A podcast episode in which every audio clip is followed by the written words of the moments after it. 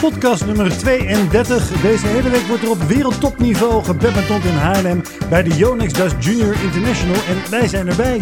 Regelmatig schuiven spelers, coaches, scheidsrechters en meer bij ons aan tafel. En vragen wij hun het heft van het lijf.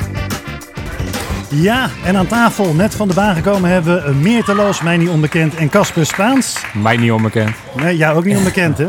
Mij ook niet onbekend. Zo. Nee, Je zei net dat je niet in de podcast Oh ja. wilde en niks zou zeggen. ik zou mijn mond dicht houden. Ja, Ja. ja. nou, dat is al niet gelukt dan. Eh, maar hoe ging de partij? Want jullie hebben net gespeeld tegen...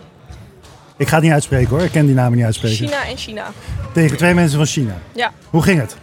Ehm, nou ja, eerste set werden we nogal eh, overvallen. Het was eh, gewoon heel veel druk aan het net. Tweede set, toen wij ons spel eenmaal veranderden, ik wat meer naar achter ging, Casper wat meer varieerde met harde ballen. Nou, hebben we echt wel eh, veel goede rallies gehad. Ja, veel kunnen onderscheppen. Kasper, Ja, eigenlijk wa- wat ze zegt, heel goed. doe maar iets dichter bij de microfoon. Ja. Hoe, pas, eh, pas op hoor, weet je tegenstander zit nu te kijken naar je. ja, je hebt natuurlijk het afgelopen jaar heb jij eh, eredivisie gespeeld. Dat was denk ik een moeilijke transitie als ik het zo eh, inschat. Ja, heel erg. Ja, ehm, dit, is, dit is een tandje hoger of niet? Ja, dit was... eh, ja, sommige, sommige wedstrijden zijn eh, ja, daar ook echt gewoon heel moeilijk. Ja, deze ook. Dus Ja, ik, ik zag Michiel ook eh, eh, ja, kijken naar de wedstrijd. Wat vond jij ervan Michiel?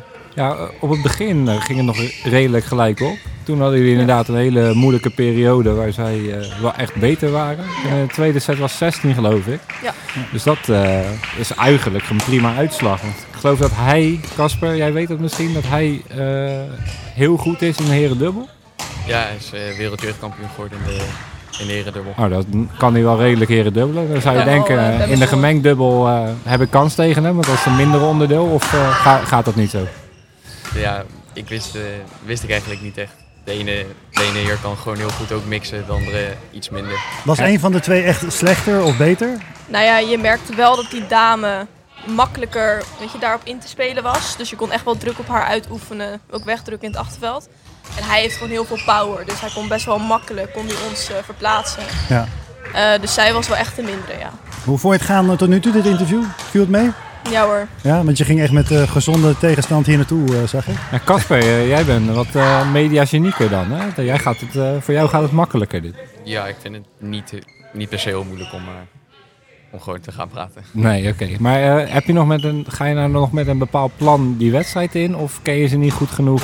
En moet je echt voelen hoe het gaat in zo'n wedstrijd? Ja, ik ga wel met een plan de wedstrijd in. Ik heb mijn eigen aandachtspunten natuurlijk waar ik eh, Nou, vertel. aan werken. Nou ja, heel goed eh, aanschuiven aan het middenveld was voor mij, was voor mij een ding. En eh, mijn racket klaar hebben voor het vlakke spel. En, is dat een beetje gelukt? Beter, laten we zeggen, beter dan de vorige wedstrijden. Oké. Ja, stijgende dat is mooi. lijn in. Dat is mooi, Ja. dat is mooi. Steeds beter. inderdaad. Nou, mooi. Ik denk dat we wel genoeg van ze weten, of niet, eh, Michiel? Ja, zeker. Dan zijn we er doorheen. Dankjewel, jongens.